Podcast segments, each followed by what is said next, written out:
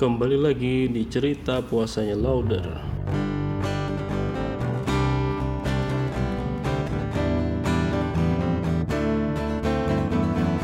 Kali ini gue akan membahas mengenai pengalaman eh, gue pada saat melakukan eh, recording atau eh, pengalaman recording session lah ya. Nah, jadi sama band gue di SMA ini eh, yang namanya IM itu gue baru eh, pertama kali ngalamin recording session di studio. Jadi recording recording session itu sebenarnya ada beberapa macam variasi ya. Yang paling umum itu adalah namanya sesi recording live. Jadi kita main eh, langsung gitu ya. Terus itu semua direkam secara bersamaan. Jadi sederhananya eh, waktu kita lagi main terus eh, direkam pakai tape recorder ya tapi enggak gitu. Ad- tentu ada mic ada mixernya gitu. Jadi yang menyatukan berbagai keluaran suara dari eh, semua alat musik yang dimainkan. Nah itu langsung dijadiin satu track gitu.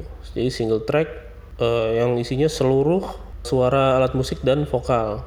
Nah kemudian ada juga yang eh, jenis recording session berikutnya yaitu semi eh, multi track. Jadi dia cuma dua track intinya ya. Yang pertama itu eh, track yang pertama itu adalah eh, isinya alat alat musik.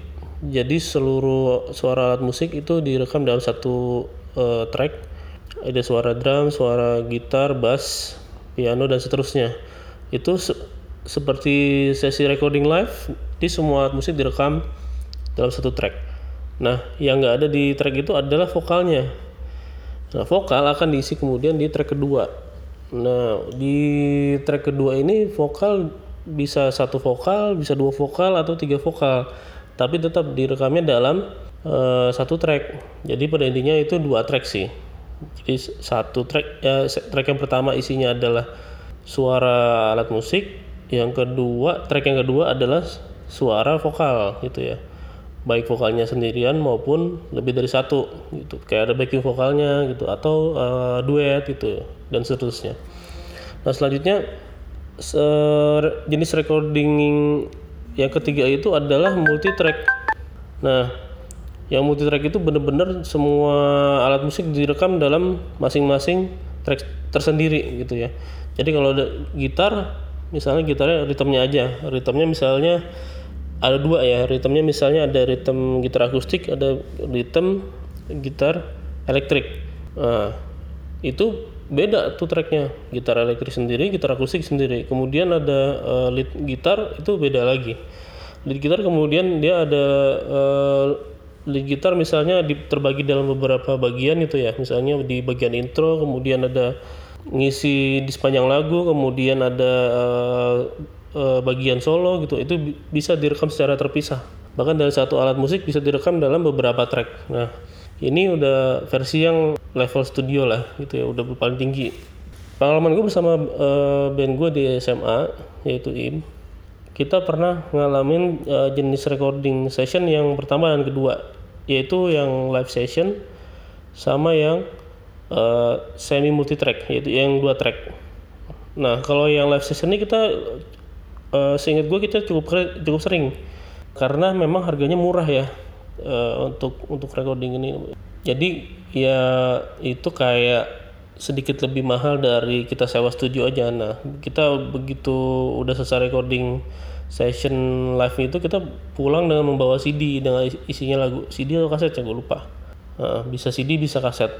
Kemudian untuk yang eh, double track kita sempat eh, ngalamin itu satu kali. Untuk yang double track ini kebetulan formasinya udah ada Ardi sebagai drummer gitu ya.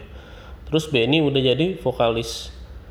Nah gue ngisi gitar. Nah tapi nggak sel- selalu semua selalu jadi lead gitar gitu ya. Jadi jadi uniknya band kami ini gue dan Dimas nih sama-sama megang gitar kita saling ngisi gitu ya. Ada sesi eh sorry ada lagu yang di mana gue jadi bagian ritmenya dan ada lagu yang eh, si Dimas jadi ritmenya gitu ya. Kemudian ada Iksan yang jadi eh, pemain bass. Waktu itu kita ngerekam secara bersamaan itu alat musik. Eh, agak kaget juga ya karena pengalamannya kalau kita main lagu itu ada nyanyi gitu biasanya. Karena itu juga menentukan kan menentukan mood. Begitu kita apa melakukan sesi rekaman untuk mengisi suara uh, musiknya alat musiknya itu sempat awkward gitulah sempat agak kagok karena nggak nggak kebiasaan bahwa main itu nggak ada suara vokalnya gitu nggak ada yang nyanyi. Nah itu agak agak awkward. Tapi untungnya sih uh, alhamdulillah waktu itu uh, karena kita cukup sering latihan sebelum melakukan sesi rekaman double track itu jadi uh, lumayan lancar lumayan lancar lah hasilnya walaupun ada beberapa yang uh, kurang sempurna ya. Gue nyebutnya kurang sempurna. Jadi bukan mengecewakan tapi kurang sempurna. Kemudian juga waktu mengisi bagian vokalnya itu seingat gue Benny dan gue juga sempat mengalami kesulitan. Gue tuh ngisi beberapa lagu itu ada backing vokalnya walaupun nggak banyak ya. Bagian porsi gue sebagai backing vokal tapi menyelaraskan antara musik yang kita dengar dengan yang uh, suara vokal yang keluar dari mulut kita pada waktu itu itu belum tentu sama nada nadanya belum tentu belum tentu bener gitu. Ini yang agak sulit.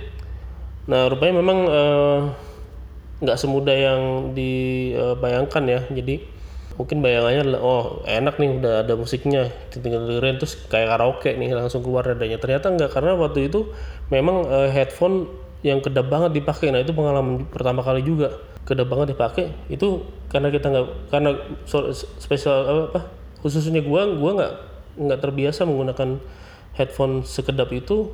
Jadi mungkin ada beberapa nada yang miss. Hal itu juga terjadi sih di apa terjadi sama Benny seingat gue tapi menurut gue walaupun hasilnya tidak sesempurna yang kita harapkan tapi ini jadi pelajaran uh, yang cukup penting di perjalanan hidup kami khususnya gue ya. Karena pengalaman ini akan selalu diingat. Nggak semua orang punya pengalaman yang sama gitu ya di saat tahun-tahun segitu. Nah kira-kira itu sih yang uh, pengalaman yang gue bagi pada cerita puasanya Lauder kali ini. Kita akan ketemu lagi di sesi berikutnya. Wassalam